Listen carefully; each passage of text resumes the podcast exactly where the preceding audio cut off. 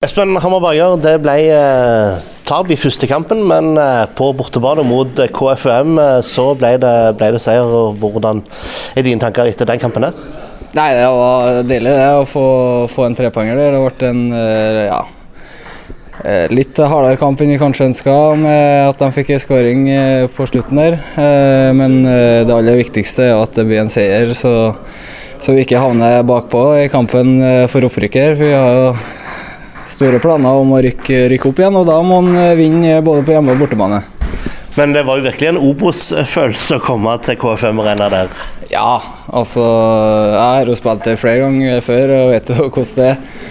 Eh, Det er jo litt annet enn Eliteserien, men eh, ja, det er bare å nullstille og klare å fokusere på det som skal foregå ut på banen, og så, så skal det gå bra, det.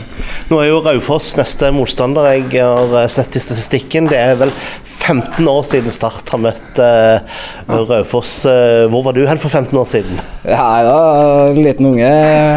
Men uh, jeg har god statistikk mot Raufoss i hvert fall. da. Jeg tror jeg kan ikke komme på å ha tapt mot dem. eh, så nei, jeg gleder meg til den kampen. Håper at vi får vise oss fra våre beste sider og spille offensiv og angrepsvillig fotball her, og forhåpentlig skåre eh, en del mål.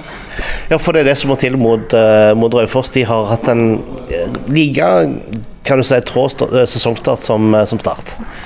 Ja, eh, de er jo nyopprykka og har jo kanskje litt andre ambisjoner enn hva vi har. Eh, så det er klart, på hjemmebane her så skal vi vinne, eh, vinne kampene. Så nei, vi er nødt til å være offensive inn mot eh, en sånn kamp. ja.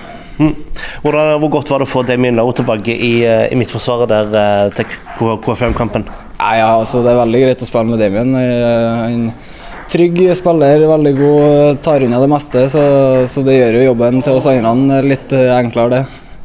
Hvordan tror du sesongen din blir nå på, i midtforsvaret? Nei, jeg håper å få en god sesong. Føler meg i fin form og, og starte kampene, så nei, jeg ser, ser positivt på det. Fotballekstra før avspark.